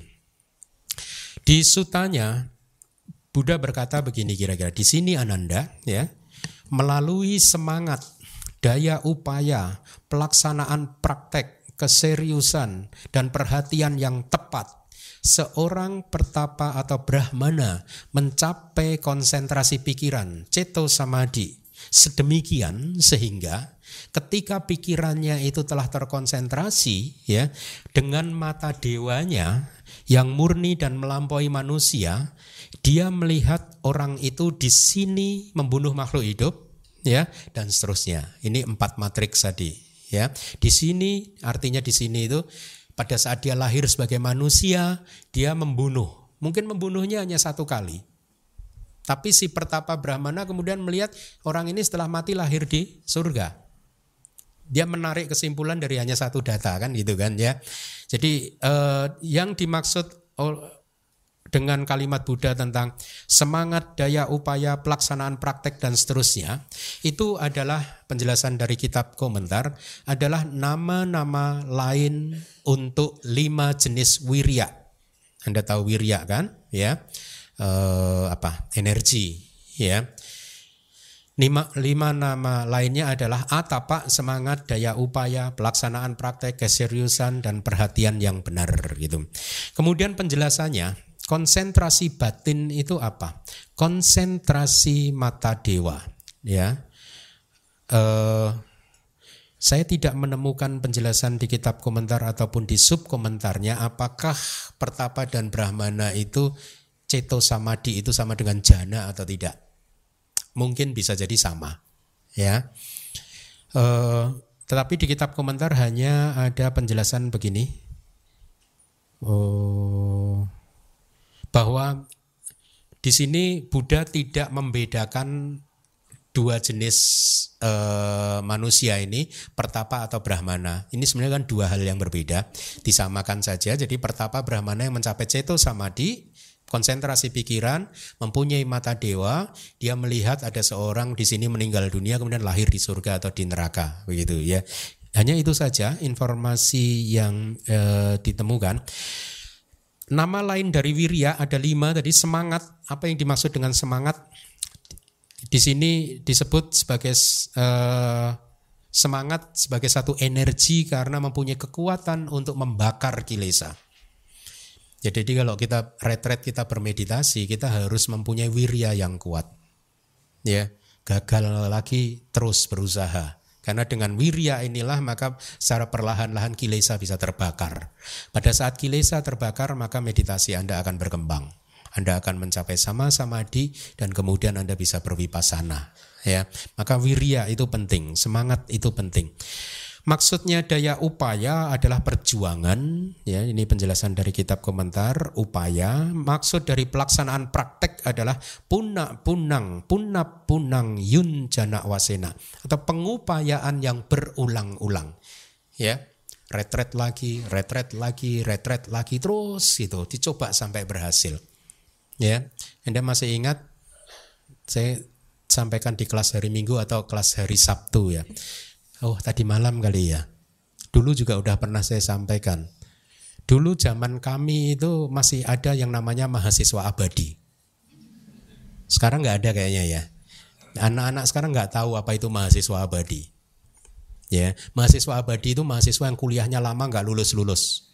Bisa 10 tahun, bisa 15 tahun. Dulu nggak apa-apa, nggak di DO dulu. Saya bicara universitas negeri ya, saya nggak tahu swasta itu bagaimana ya, gitu.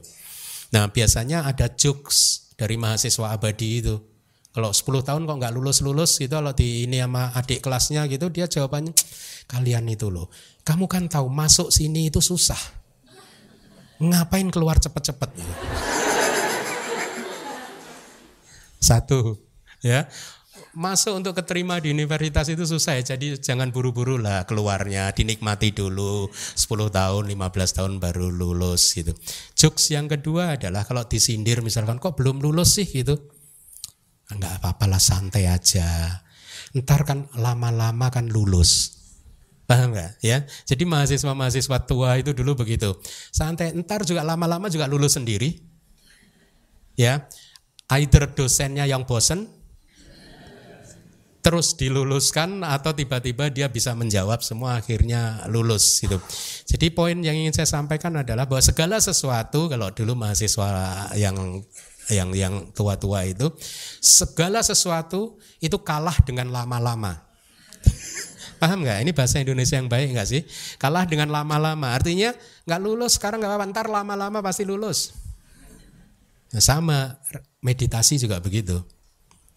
Diterapkan yang begitu supaya wirya Anda kuat. Retret nggak berhasil penting nggak apa-apa. Ikut lagi retret lagi. Nggak berhasil lagi ikut lagi retret. Ntar lama-lama kan berhasil. ya. Baik, eh, tapi saya rasa kita cukupkan dulu di sini ya. Eh, kita masih mempunyai satu kelas lagi harusnya. Baik, terima kasih.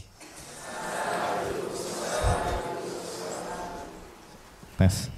Saya mau nanya Bante, kalau misalkan yang uh, kita berdana yang tiga akar misalkan Bante, eh ya saya ulang maksudnya, uh, misalkan kita mau berdana Bante, berdana jubah ke Bante. Nah tiba-tiba diserobot oleh orang dan muncul kilesa sedikit gitu Bante. Tapi satu detik kemudian saya berusaha untuk kembali lagi jadi perasaan sukacita. Uh, itu masih disebut bisa superior atau inferior. Itu pertama Bante. Terus kedua tadi menjelang kama menjelang kematian gitu Bante. Nah tadi kan Bante bilang harus perasaan sukacita. Jadi kalau misalkan perasaan UPK itu uh, itu salah gitu Bante maksud saya. Jadi uh, saya masih kurang paham. Menurut saya sih harusnya UPK ya gitu ya Bante. Jadi kan segala sesuatu itu harus dihadapi dengan perasaan tidak suka tidak duka gitu Bante. Terima kasih. Ya, yang pertama adalah kalau Anda berdana kemudian diserobot kemudian sempat jengkel satu detik habis itu Anda berhasil let go. Wah latihan saya hebat ini udah satu detik aja udah let go. Udah seneng kan ya? Tapi itu tetap saja inferior. Karena kilesa sempat masuk ya. Ya meskipun satu detik, jangan khawatir inferiornya mungkin KW super lah karena kilesanya hanya satu detik kan? Beda kan dengan yang kilesanya lima menit gitu ya. Jadi apa pun kilesa sempat menerobos masuk maka karma menjadi inferior.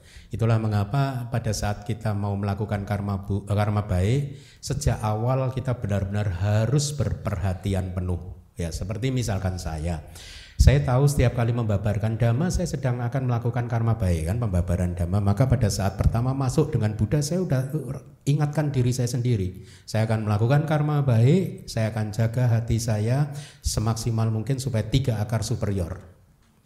Gitu. Jadi dari awal sudah saya ingatkan dulu ya.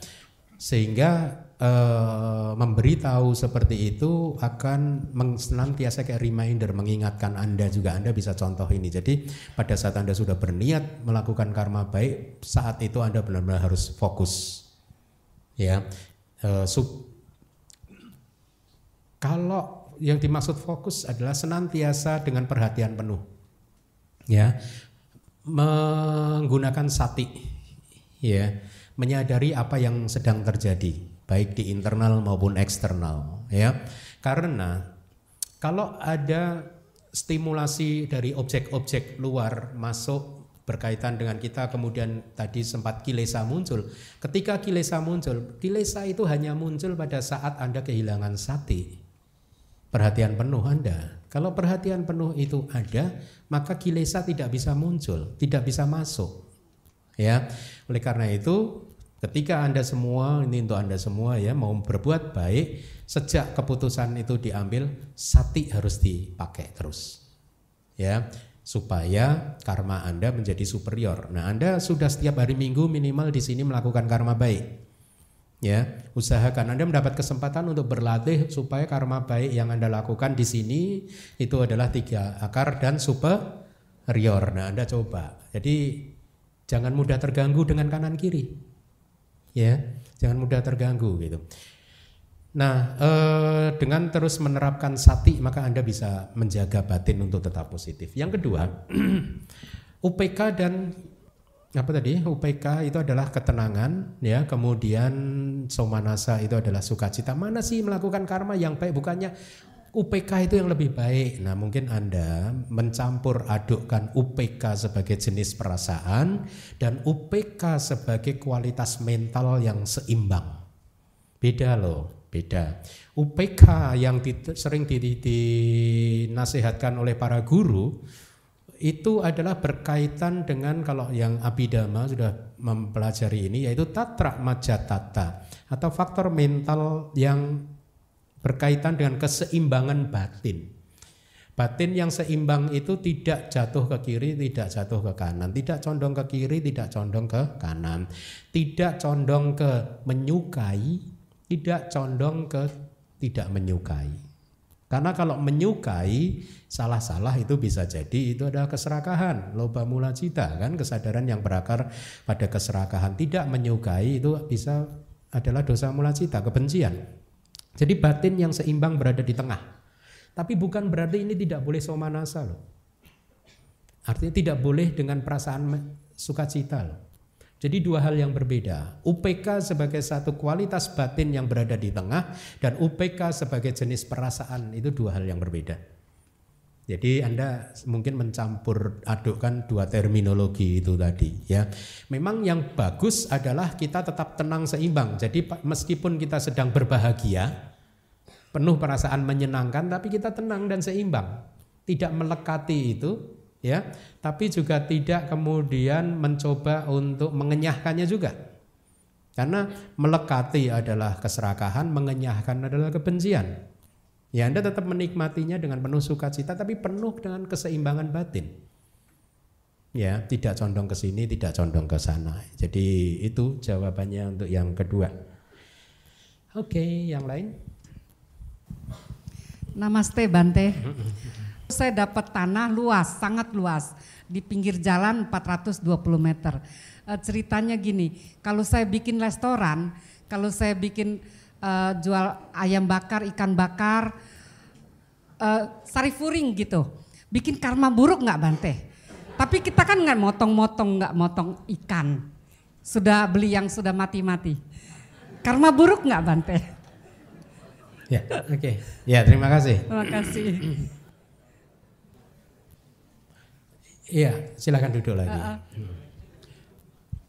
Repotnya begini, kalau usahanya masih kecil, Anda bisa beli ayam yang sudah dibunuh oleh pedagang dan itu tidak melanggar apa-apa, ya.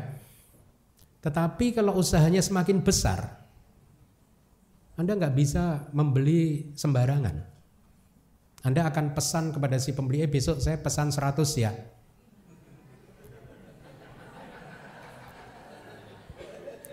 Ya, jadi agak repot kan. Kalau Anda belinya hanya sehari dua tiga Anda bisa acak. Acak itu artinya setiap pedagang supaya tidak tahu gitu. Kan repotnya begini. Kalau Anda udah berlangganan si pedagang tahu si ibu ini akan datang nih, saya akan siapkan dulu. Jadi ada hubungan di sana. Jadi tidak tidak tidak bagus. Itu bisa jadi juga melakukan pelanggaran. Ya. Uh, iya. Karena pasti namanya orang usaha pengen jadi besar. Ya. Risiko itu ada. Enggak jadi. ya. Cari yang aman lah. Cari yang aman, yang bebas dari pembunuhan gitu ya. Karena mau nggak mau kalau usahanya besar pasti akan terlibat di situ. Pasti sih logika saya aja mengatakan begitu. Kan sulit untuk melayani Anda yang butuh 100 ekor setiap hari. Untuk tidak membunuh untuk Anda gitu. Ya, kan begitu peraturannya. Kalau seseorang melakukan pembunuhan untuk kita maka jangan diterima. Gitu, ya. Oke. Yang lain yang lain. Ada lagi pertanyaan dari kalian Mita? Ada nih kanan. Hmm. Namo budaya Bante. Saya uh, mau cerita sedikit pengalaman pribadi ya. Uh, orang tua saya udah biasa dari saya dari kecil sering lihat papa sama mama saya sering kasih makan buat orang susah kayak orang gila, kasih gembel makan gelandangan gitu. Jadi mungkin karena dari kecil saya sering lihat orang tua saya seperti itu, jadi ini otomatis ke bawah sama diri saya Bante. Nah, tapi sejak saya menikah ini, saya kan sering kasih orang gila makan, kadang gelandangan gitu kan. Cuman dari suami saya ngeliat keseringan saya itu jadi kayak kamu kan tahu dia orang gila, cuma kamu bisa lihat dia makan dihabisin apa enggak Terus e, emang dia bisa makan? Saya bilang iyalah dia makan. Nah, kalau lapar dia pasti makan. Saya bilang kan, e, kamu yakin? Kamu nggak pernah lihat dia makan dimakan apa dibuang gitu kan? Nah, jadi di sana ada sedikit konflik lah dari situ kan. Nah jadi saya pikir-pikir kalau ketemu dia lagi pernah suatu saat itu saya ketemu dia lagi orang gila. Jadi saya nggak nggak kasih makan lagi Bante karena saya takut tiap kasih makan selalu kayak ribut gitu, kayak nggak gimana gitu Bante. Jadi saya menghindarin ribut seperti itu. Jadi gimana Bante kalau dalam kondisi seperti saya posisinya? Karena saya juga sehari-hari kan pagi keluar sama dia, terus nganterin anak, terus saya belanja ke pasar, pulang. Terkadang saya kan kadang ngeliat, kadang dia ada. Saya bilang kan dia kadang-kadang ada, kadang enggak. Saya bilang itu kan. Saya nggak ada salahnya buat kasih dia, karena saya eh, begitu ngeliat orang yang susah apa yang kayak nggak ada makan kayak nenek-nenek yang udah tua hati saya tuh nggak tahu dari dulu tiba-tiba terketuk gitu saya nggak pikir ada uang untuk saya sendiri saya pun rela untuk kasih ke orang lain itu karena saya lihat dari orang tua saya udah dari kecil seperti itu.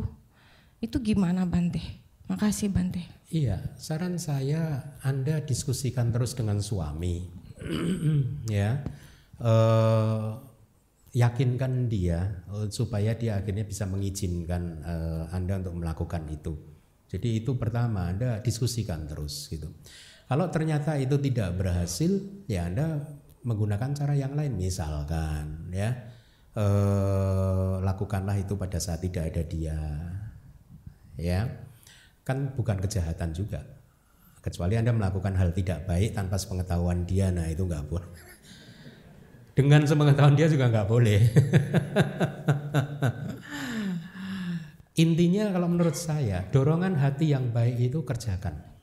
Tetapi Anda juga harus menjaga stabilitas rumah tangga, keharmonisan. Ya, makanya tadi saran saya bicarakan, diskusikan dengan suami, yakinkan dia bahwa ini adalah perbuatan baik, sambil bercanda aja, jangan terlalu serius. Misalkan, ya, sering kan aktivis-aktivis DBS itu uh, kalau mau ikut retret misalkan ke misalkan retret dengan uh, master dari Myanmar begitu. Beberapa suka minta izin ke saya. Asin saya mau retret boleh enggak saya bercandain kalau mau berbuat baik kok minta izin saya besok lagi minta izin saya itu kalau mau melanggar sila aja lah Sebelum Anda melanggar sila datang ke saya, Asin, saya mau melanggar sila yang ini boleh enggak? Nah baru ambil bercanda-bercanda aja, yang ringan-ringan aja. Karena kadang e, kalau Anda bisa mengambil hati dia, pada akhirnya Anda bisa meyakinkan dia. Misal, e, misalkan, toh itu perbuatan baik gitu ya, misalkan ya. Mela, ya pelan-pelan Anda yang lebih mengenal psikologi suami Anda gitu. Bahwa sesungguhnya sebenarnya melarang seseorang melakukan perbuatan baik itu pun adalah perbuatan tidak baik malah gitu kan. Tapi anda harus jelaskan secara pelan-pelan. Intinya adalah saran saya menurut saya ketika dorongan untuk berbuat baik itu ada kerjakanlah. Bahkan itu harus terus ditumbuhkan dikembangkan ya diperlebar sampai menyebar ke mana-mana tidak hanya ke satu pengemis satu orang gila itu tapi ke mana-mana Nah, supaya bisa seperti itu Anda harus melakukan perenungan. Pada saat Anda bertemu dengan objek yang tepat dan kemudian Anda berdana, jangan selesaikan begitu saja. Anda renungkan, bersyukur bahwa Anda sudah berdana, resapi perasaan yang muncul bagaimana damai hati Anda ya. Seperti itu. Supaya apa? Supaya Anda makin terampil untuk melatih batin Anda supaya terus bisa berada dalam suasana yang damai seperti itu. Bahagia dan damai gitu. Artinya objeknya kemudian akan melebar ke, ke banyak objek akhirnya tidak hanya ke satu orang. Ya karena perbuatan baik jangan hanya ke satu orang. Ya kalau anda maunya berbuat baik ke pengemis itu Aja itu kemelekatan loh itu. Jangan-jangan ini.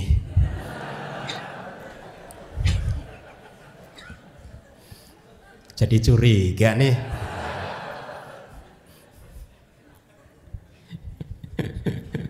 What's going on?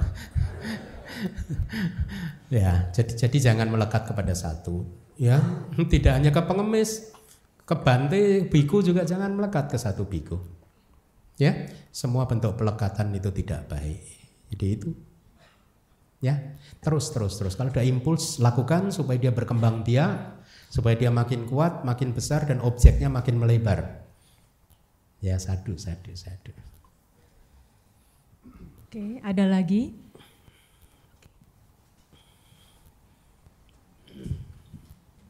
Namo budaya Bante.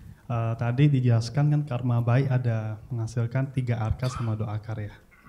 Uh, bagaimana dengan karma buruk Bante? Apakah kategorinya juga sama? It, Kalau apa? Karma buruk. Karma buruk ya, oke. Okay. Itu yang pertama. Yang kedua misalkan kita melakukan karma tidak baik, misalkan contoh mungkin uh, berbohong ya tapi di satu sisi kan pada saat kita berbohong mungkin sebenarnya tujuan kita mungkin tidak menceritakan kebenaran pada saat itu dengan tujuan tidak ingin menyakiti perasaan misalkan menyinggung perasaan orang yang bersangkutan gitu loh. Kalau tadi misalkan pada saat berdana jangan sampai ada kiresa masuk. Nah, bagaimana pada saat perbuatan yang tadi berbohong tadi gitu tujuannya baik gitu. Terima kasih Bante. Baik, bagus sekali pertanyaannya. Yang pertama, karma buruk tidak dibedakan menjadi tiga akar, dua akar, superior, inferior. Tetapi karma buruk dibedakan sesuai dengan pemenuhan dari faktor-faktornya. Ada di buku karma saya, dibaca. Buku karma e, pusaran kelahiran dan kematian tanpa awal. Saya kupas e, 10 karma buruk itu masing-masing ada faktornya ada yang lima faktor ada yang empat ada yang lainnya ya misalkan karma buruk membunuh itu faktornya ada lima satu ada makhluk hidup ya kemudian dua kita tahu benar kita sadar kita tahu bahwa itu adalah makhluk hidup ya yang ketiga kita muncul niat untuk menghabisi mencabut nyawanya yang keempat, kita mengeluarkan usaha, baik itu usaha melalui diri sendiri atau minta tolong orang lain, memerintahkan orang lain. Seperti tadi, jual ayam goreng, memerintahkan penjual, besok 100 ya. Nah, kelima hasilnya binatang atau makhluk tersebut mati. Ya, kalau kelima faktor ini terpenuhi, maka dia menjadi jalan karma buruk. Jalan karma buruk itu mempunyai kekuatan untuk memunculkan pati sandi mempunyai kekuatan untuk memunculkan kelahiran kembali. Ya berbahaya jalan karma buruk, langsung ke bawah gitu. Tapi kalau tidak terpenuhi, misalkan ada makhluk hidup terpenuhi, punya niat terpenuhi untuk ini, melakukan usaha terpenuhi, hasilnya makhluknya nggak mati. Dia membunuh nggak? Enggak. Tapi dia punya niat jahat melalui pikiran. Dia sudah melakukan karma buruk melalui pikiran, melalui mental, dia pada niat yang jahat itu pun juga memenuhi nanti bisa menghasilkan jadi berdasarkan faktor-faktor itulah e, karma buruk itu dianalisis terpenuhi faktornya atau tidak. Kalau terpenuhi dia menjadi jalan karma. Kalau tidak dia tidak menjadi jalan karma. Kama pada istilah palinya. Kama pada itu jalan kama. Artinya apa? Jalan kama untuk memunculkan kelahiran. Kama yang masuk ke dalam jalur untuk memunculkan kelahiran kembali. Tapi kalau faktornya tidak terpenuhi, dia bukan jalan kama. Dia tidak bisa menghasilkan kesadaran penyambung kelahiran kembali. Dia tidak bisa memunculkan kelahiran di alam tertentu, tetapi dia bisa berbuah di kehidupan sehari-hari. Itu bedanya, ya. Jadi karmanya hanya mempunyai kekuatan untuk berbuah di kehidupan sehari-hari. Contoh misalkan kita lahir sebagai manusia adalah buah dari karma baik. Tetapi kadang kita sebagai manusia itu mengalami kejadian yang tidak baik, yang merupakan buah dari karma buruk kita. Nah, bisa jadi karma buruk yang berbuah di sepanjang kehidupan kita itu adalah karma buruk yang kita lakukan di kehidupan lampau yang faktor-faktornya tidak terpenuhi itu tadi. Ya.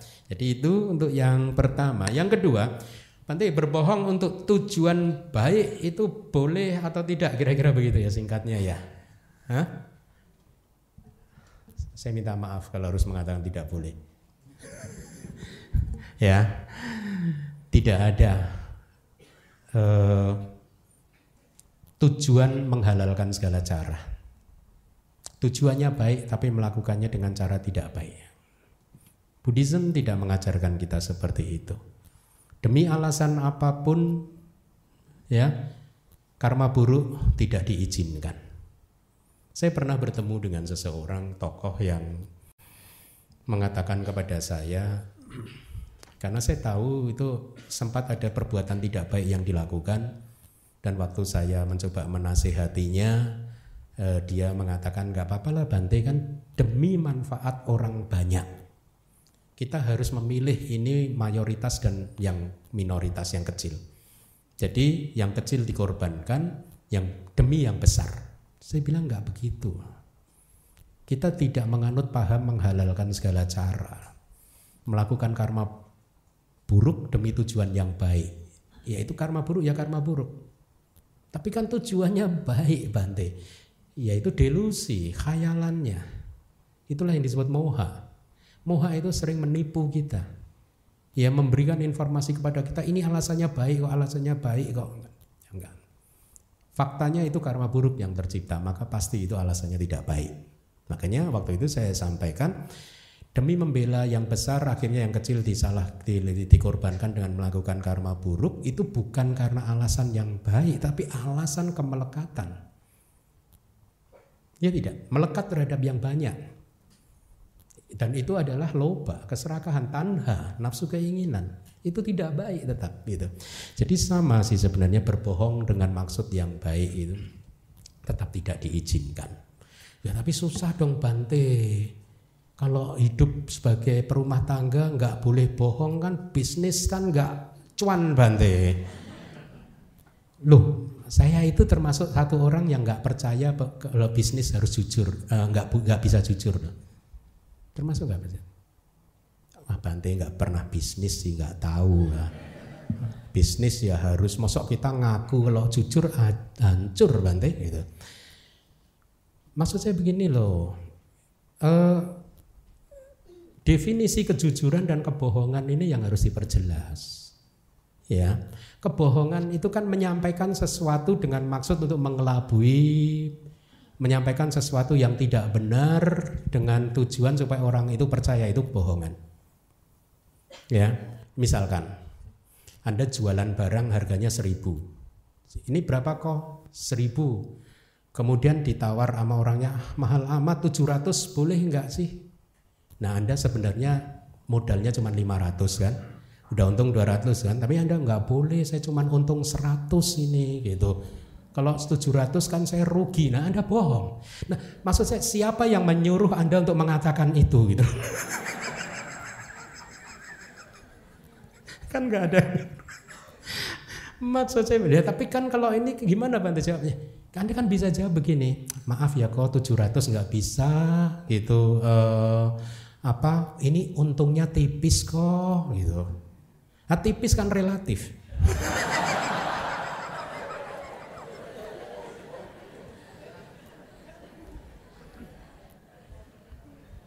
Artinya Anda untung 500 jangan mengatakan untung 100, 200, 300, 400. Untungnya tipis kok. Selesai. Maksud saya ini, saya nggak tahu lah bagaimana Anda mengelola bisnis misalkan semuanya ya. Jangan, Anda harus tahu yang disebut berbohong itu kayak apa. Gitu. Dan Anda bisa menghindarinya. Anda bisa, makanya di, bahkan di Winaya juga begitu kok. Uh, winaya itu kan seorang biku tidak diperkenankan untuk mendeklar pencapaian dia kepada mereka yang tidak ditahbiskan secara penuh kepada umat, kepada samanera, kepada sayale, nggak boleh. Kalau dia declare dia melanggar sila. Ya, tetapi kitab komentar dari Winaya juga menyampaikan begini, ada guru nih, guru, misalkan guru tinggalnya di wihara A namanya gitu ya. Kalau guru ini menyatakan, hei para upasaka upasika, itu loh Bante yang tinggal di wihara A, padahal itu satu-satunya dia tinggal di situ dia itu tapi dia nggak menyebut nama. Bante yang tinggal di wihara A itu dia sudah sotapana loh, dia nggak melanggar. Karena dia nggak menceritakan dirinya sendiri. Kira-kira begitulah. Ada cara-cara untuk ininya gitu. Nah, eh, yang ingin saya sampaikan sebenarnya banyak cara untuk terhindar dari kebohongan. Ya, makanya Anda harus paham apa itu kejujuran, apa itu kebohongan dan berhati-hatilah. Berhati-hatilah.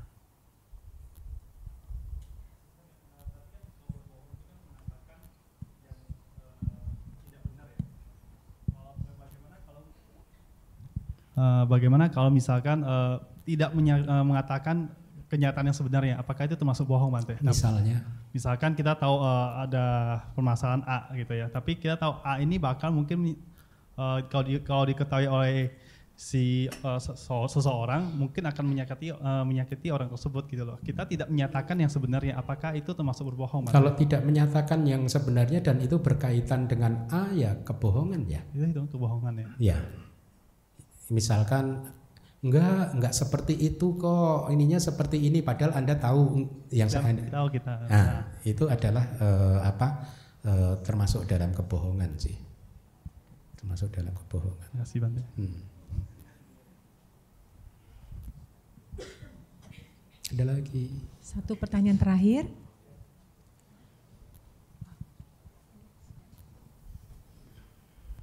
Namaste Bante. Uh, saya mau menanyakan tentang tadi kan Bante mengatakan tentang tujuannya baik tapi caranya menyakit misalnya menyakiti makhluk hidup lain. Uh, misalnya kayak nyamuk pada waktu wabah demam berdarah. Kita pasti akan uh, pemerintah pasti mengadakan fogging yang disemprot supaya nyamuknya mati semua. Kalau seperti itu gimana ya Bante? Karena saya sendiri juga ada anak kecil, saya kan juga nggak mau anak saya sakit. Jadi kadang-kadang kalau ada nyamuk ya kalau pas yang musim-musim gitu saya juga takut kan Baik, makanya sama sih, tidak bisa uh, karena kadang alasan yang baik itu muncul dari delusi, dari khayalan kita kan. Makanya di kelas yang minggu lalu sudah saya sampaikan kan, uh, kita nggak bisa atas nama alasan yang baik lalu menyakiti makhluk lain nggak bisa. Misalkan ini ada nyamuk ini, Sebelum Anda bunuh, Anda berdoa dulu semoga segera masuk ke nibana. Nggak bisa begitu. Anda kita tidak bisa berdebat. Loh Bante tujuan saya baik kok. Mengharapkan nyamuknya masuk nibana kok. Daripada hidup jadi nyamuk terus, itu kan enak lebih didoakan cepat aja selesai penderitaannya cepat enggak, enggak bisa seperti itu sih. Karena itu itulah delusi. Itulah khayalan ya yang mengelabui kita. Ya makanya pengetahuan itu penting, pengetahuan itu penting. Bahwa misalkan membunuh ya kayak gitu itu syaratnya. Mau alasan apa pun kalau syaratnya terpenuhi ya membunuh. Paham? Fogging. Anda tahu yang di fogging itu apa? Makhluk hidup dan Anda tahu dan hasilnya mati. Sama. Meskipun yang foggingnya bukan Anda, orang suruhan sama saja, menyuruh orang lain juga sama gitu. Ya tapi kan efeknya sakit Jangan jadi dukun lah. Meramal masa depan kan itu kan. Belum terjadi kok. E, bisa misalkan dengan dengan dengan cara orang-orang Myanmar itu biasanya kalau tidur memakai kelambu atau rumah di ini dengan berbagai cara lah supaya nyamuk tidak masuk ke dalam rumah. Anda bagaimana caranya? E, salurannya dibersihkan ini semua lingkungannya dibersihkan dengan berbagai cara gitu. Nah, jangan memakai ketakutan Anda yang tidak real tadi sebagai alasan untuk melakukan kejahatan. Kan Anda tadi ketakutan anak saya nanti jadi sakit. Nah sekarang anaknya udah sakit belum?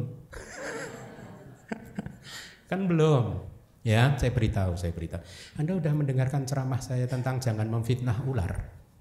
Ya, kalau belum silahkan didengarkan di YouTube karena di situ saya kupas bagaimana sih karakteristik dari rasa cemas, khawatir, takut ya di jangan memfitnah ular itu saya beritahu. Semua kecemasan kita ini siapa pun juga ketakutan kita itu tidak pernah berhubungan dengan problem yang kita hadapi saat ini. Setuju? Semua rasa takut cemas khawatir selalu berkaitan dengan sesuatu yang menurut kita nanti akan terjadi. Tidak pernah berkaitan langsung dengan problem yang kita hadapi. Dengan kata lain kita tidak pernah cemas, takut, khawatir dengan problem yang kita hadapi. Setuju nggak? Ya, yuk. Tak ada masalah. Iya, memang ada masalah, tapi sesungguhnya kalau kita benar-benar bisa fokus kepada masalah itu nggak ada rasa cemas dan khawatir dan takut. Nah, rasa cemas, khawatir dan takut terhadap problem yang kita hadapi ini baru muncul setelah kita mencoba jadi dukun. Waduh, ini jangan-jangan nanti seperti ini nih, jangan-jangan seperti itu, jangan-jangan begini, jangan-jangan begitu. Nah, Anda takutnya dengan jangan-jangan tadi itu. Paham nggak? Tapi dengan real problem yang Anda hadapi saat itu Anda nggak takut. Ya. Jadi pemahaman seperti ini penting sekali bahwa kita ini sering kali moha kita itu menipu kita ya menciptakan satu problem yang belum ada kemudian moha ini mengelabui kita seolah-olah problem itu nyata. Ya seolah-olah problem itu ada. Dan kemudian problem yang tidak nyata yang kita nyatakan itu tadi dinyatakan oleh moha tadi kita hidup di situ bergumul di situ udah jadi nggak sehat hidupnya. Karena berdasarkan data yang tidak valid lagi gitu jadi Anda tidak pernah takut cemas khawatir dengan masalah yang sedang Anda hadapi satu ya Anda hanya cemas takut dan khawatir terhadap masalah yang menurut Anda nanti akan terjadi nah sekarang kita analisa Apakah selama ini kita jadi dukun yang sakti selama hidup ini? Nah, bagaimana cara menganalisanya? Anda sudah hidup katakanlah 40 tahun. Selama 4 perjalanan 40 tahun Anda sudah sering jadi dukun meramal masa depan. Seperti itu tadi. Tinggal Anda analisa datanya. Sering berhasil nggak ramalan Anda? Ya, Anda analisa. Ya, setelah ketemu jawabannya, maka sebenarnya saya bisa pastikan sih buat Anda semua, sebagian besar ketakutan apa yang Anda takutkan tidak terjadi. Kalau Anda prosentase coba nanti analisa di rumah masing-masing. Sebagian besar ketakutan, kecemasan, kekhawatiran Anda tidak terjadi. Ya. Nah, itu hasil analisisnya. Nah, berarti kalau sebagian besar ada dong sebagian kecilnya. Yang yang benar-benar terjadi ada dong. Ya, memang sebagian kecil terjadi. Kita takut mau begini ternyata benar terjadi. Tapi itu kan sebagian kecil. Artinya, kalau Anda memelihara ketakutan saat ini untuk sesuatu yang kemungkinan kecil terjadi, rugi. Paham? Karena kemungkinan terjadinya kecil. Rugi. Satu. Kemudian kalau benar itu terjadi yang kemungkinan terkecilnya itu terjadi, kita menderita, kita sedih. Ya. Nah, Anda analisis lagi kehidupan selama 40 tahun ini bagaimana? Oh, ternyata di masa lalu setiap kali ada kesulitan menghampiri saya, saya berhasil melewatinya. Berarti di masa depan rumusnya juga sama. Artinya kita ini adalah master untuk mengatasi masalah. Jago mengatasi masalah tanpa masalah. kayak pegadaian. Jadi kita harus percaya diri kalau di masa lalu mampu di masa depan pasti mampu. Satu itu. Kedua, kalau kesulitan itu benar terjadi ya dan kita ternyata sulit tidak mampu mengatasinya. Kan tadi udah dikatakan kalau berbuah karma buruk di mata telinga hanya UPK kok. Atau anicca kok. Kesulitan itu tidak kekal kok. Huh? Mana ada sesuatu yang kekal di samsara ini? Ya. Jadi buat apa lalu kita takut terhadap kesulitan yang tidak kekal? Rugi kan? Ya. Nah, jadi dengan analisis-analisis seperti ini akhirnya bisa membebaskan Anda dari ketakutan terhadap masa depan. Ya, bahwa masa depan itu tidak pasti. Bahkan di suta itu ada kalimat Buddha yang kira-kira mengatakan begini. Apa yang kamu pikirkan akan terjadi nanti, begitu harinya datang kejadiannya berbeda. Kira-kira begitu. Jadi rugi sebenarnya kita memikirkan masa depan apalagi tadi. Nanti kalau nggak difogging kan anak sakit. Ya, anaknya belum sakit, foggingnya udah. rugi karma buruknya udah gitu. Harusnya fogging sih Kak, karma buruk sih. Ya. Cukup jelas? Ya.